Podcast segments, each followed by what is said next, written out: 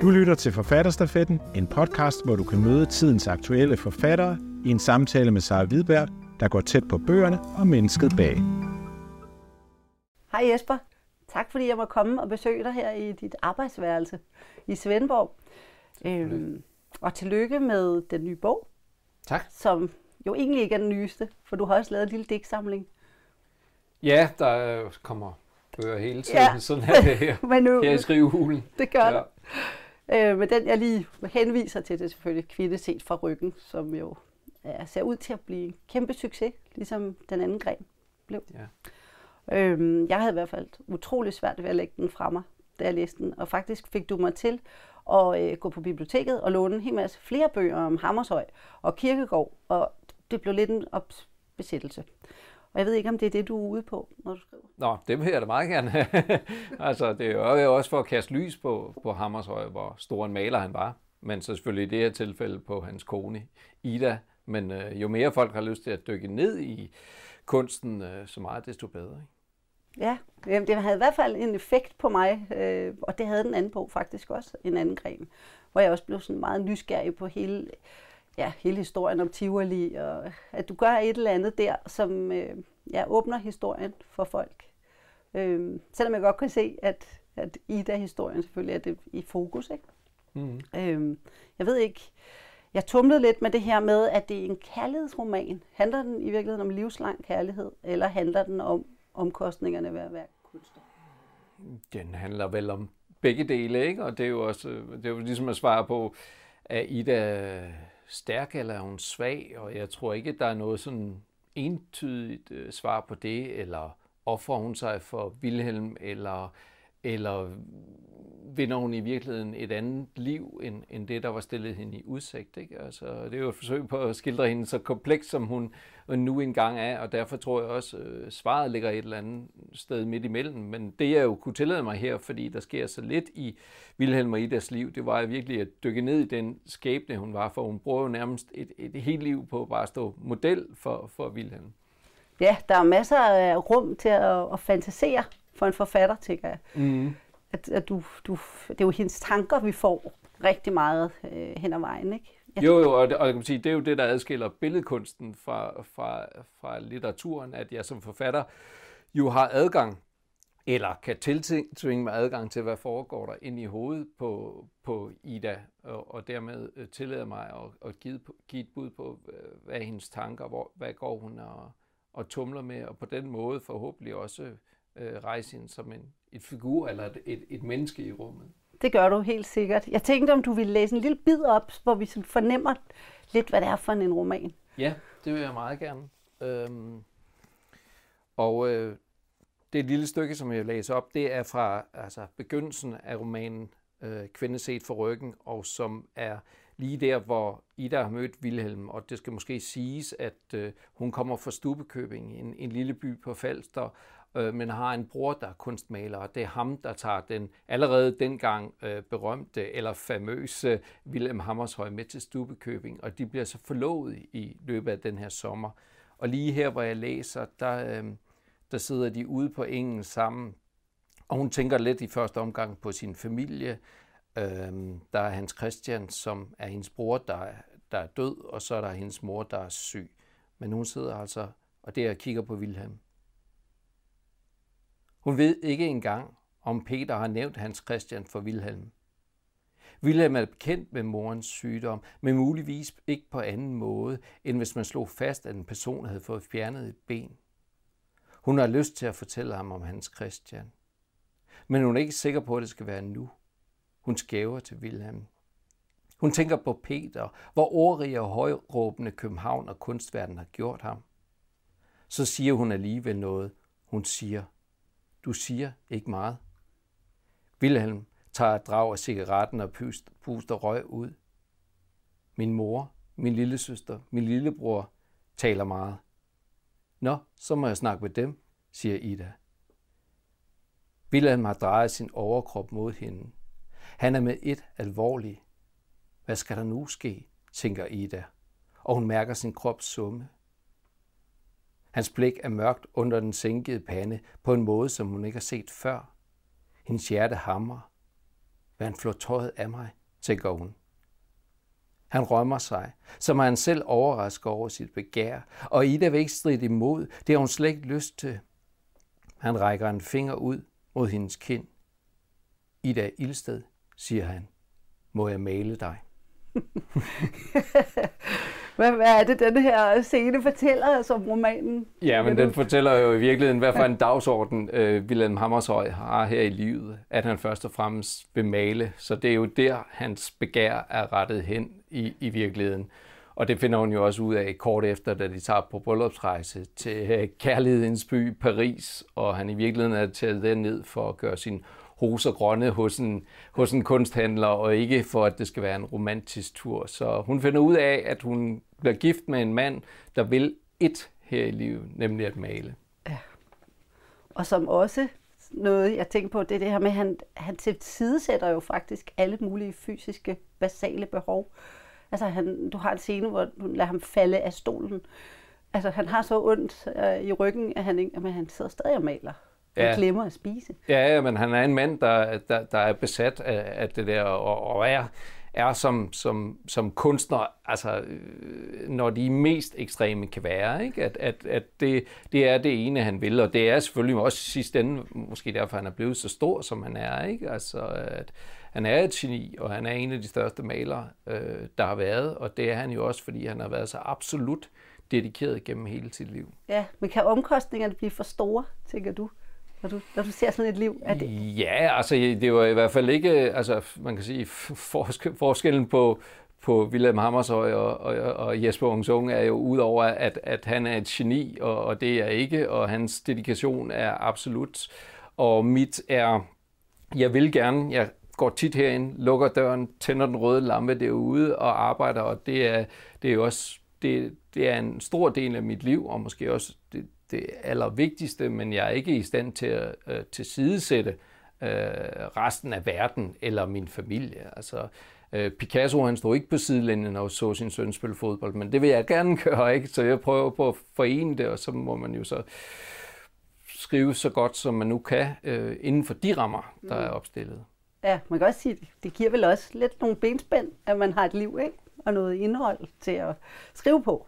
Ja, ja, ja, jo, jo. Altså, jeg, jeg er i hvert fald en forfatter, der altid, altså lige siden jeg startede, har lænet mig op af, op af virkeligheden, eller mm. det liv, som, som jeg kendte til, og de eksistentielle spørgsmål, der bliver, der bliver udløst af det liv, man lever. Ja, og der er også fodbold med i mange af dine noveller, for eksempel. Jamen det er der ikke, og det er jo fordi, det har betydet øh, meget for mig, og, og det er ligesom, der har været mit udgangspunkt, at, at det som en menneske betyder noget for en, hvis man formidler det på en rigtig måde, så, så siger det også læseren noget, selvom de ikke nødvendigvis er, er vilde med fodbold. Ja, det rammer noget alligevel. Ja. ja. Øhm, den her gang er det jo en kvinde, der er hovedperson. Øh, mm. Og det er også, øh, du havde godt nok i en anden gren, der har du Ingeborg som en, en delt hovedperson kan man sige. Men, men det her er i hvert fald første gang, du sådan fuldt laver en roman med en, hoved, en kvindelig hovedperson. Hvorfor var det lige hende, der skulle have fokus?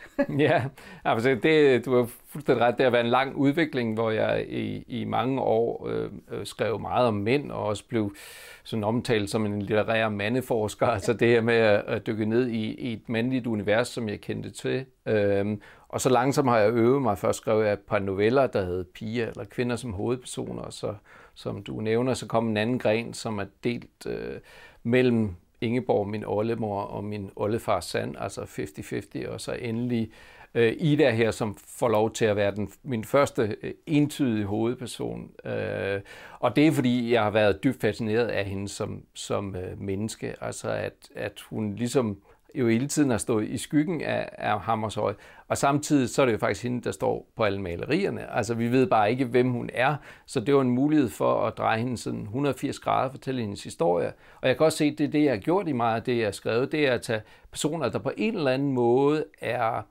anderledes, mm.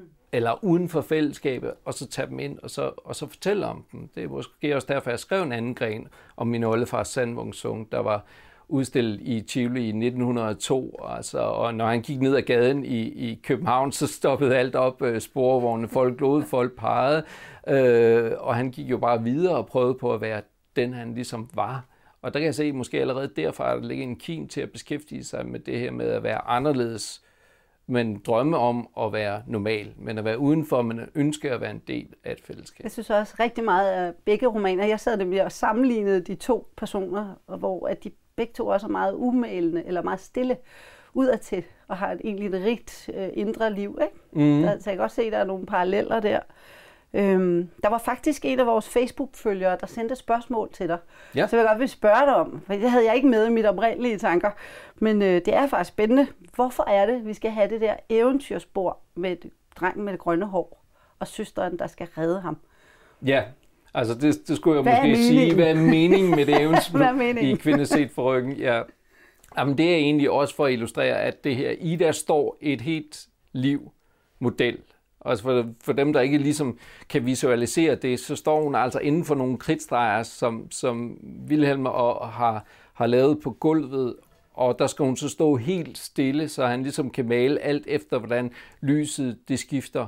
Men det betyder jo også, at hun har en masse tid til at gå ind i sig selv. Ikke? Og det her eventyr, det opstår jo øh, for at kunne holde ud og stå stille så længe. Og det er jo så det eventyr, der i sidste ende også reflekterer hendes eget liv. Altså måske både det her med, at hun offrer sig for Wilhelm, eller gerne vil ofre sig for sin døde bror, og så kommer det her eventyr om, om den her søster, der jo virkelig en offrer sig for sin bror. Altså, så det er en overlevelsesstrategi, samtidig med at det peger på, hvem hun er som menneske. Og det ender jo lidt grumt.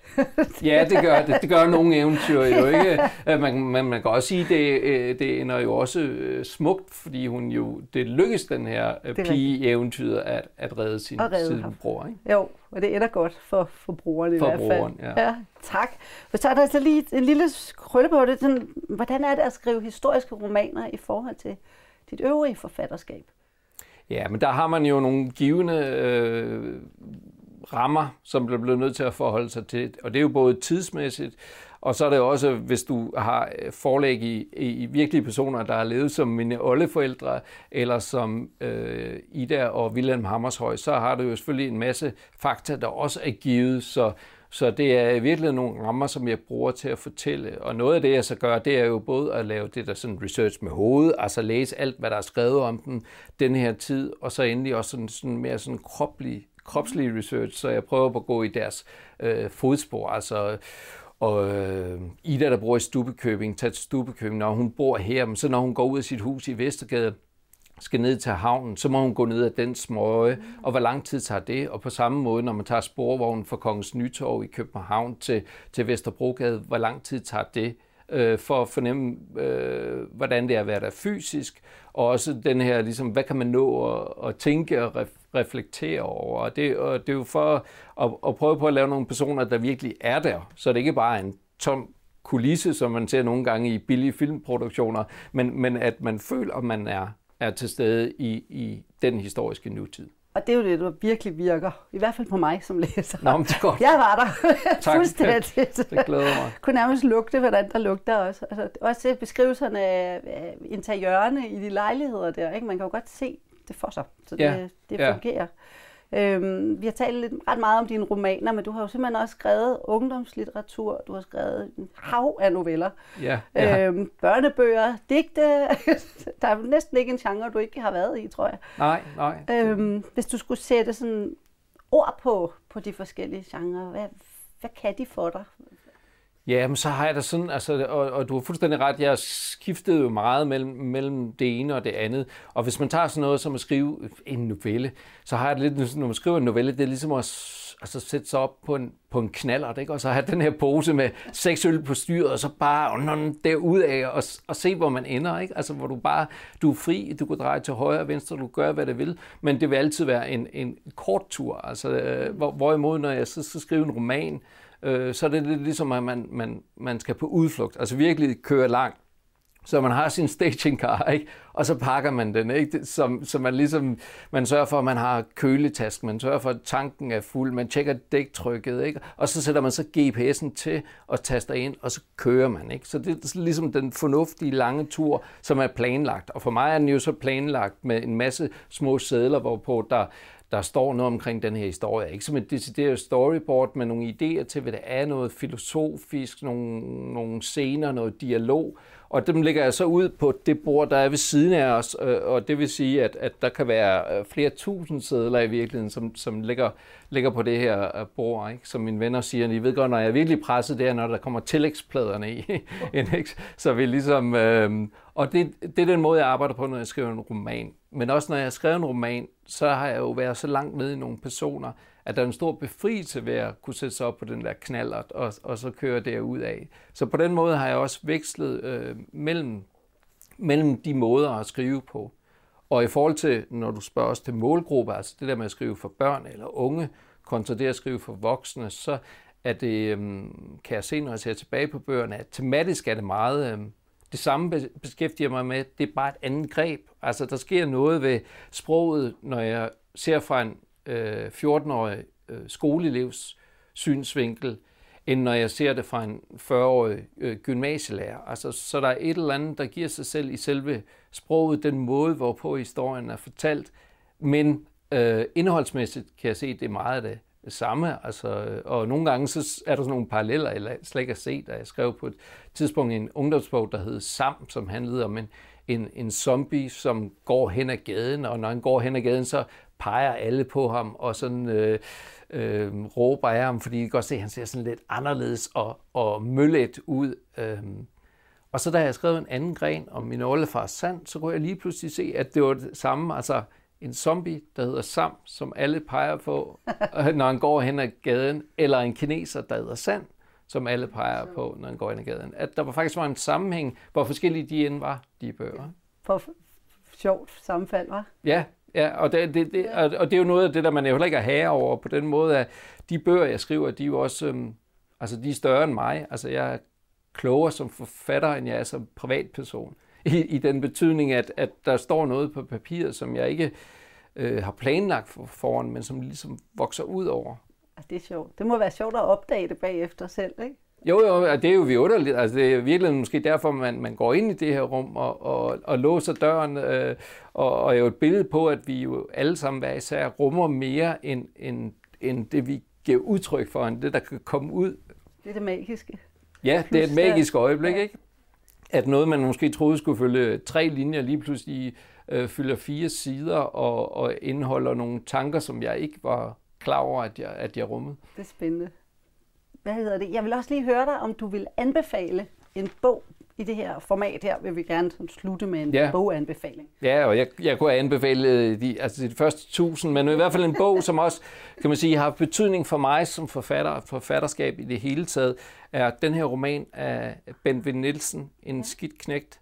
Og øh, hans forfatterskab har også altid for mig udmærket sig ved at, at være ligesom øh, fortælling om nogle helt almindelige mennesker, og umiddelbart også sådan lidt kedelige liv, men så har han det her, at, at, at det hele tiden får sådan en drejning, så når man sidder og tænker, når det er den type, nu har jeg gennemskuddet, hvordan de er, så reagerer de fuldstændig modsat af det, man regner med. Og det er det øjeblik, man finder ud af, at det er virkelig et virkeligt menneske. Ikke? Ja. Og så har han en måde, måde at fortælle på, som jeg også var meget øh, inspireret af. Ja, det kan jeg godt egentlig se lidt. Ja, ja, den ja, ja, han er et forbillede.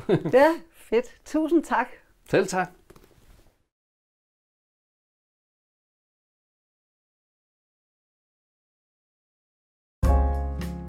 Du har lyttet til Forfatterstafetten, en podcast produceret af Forfatterweb.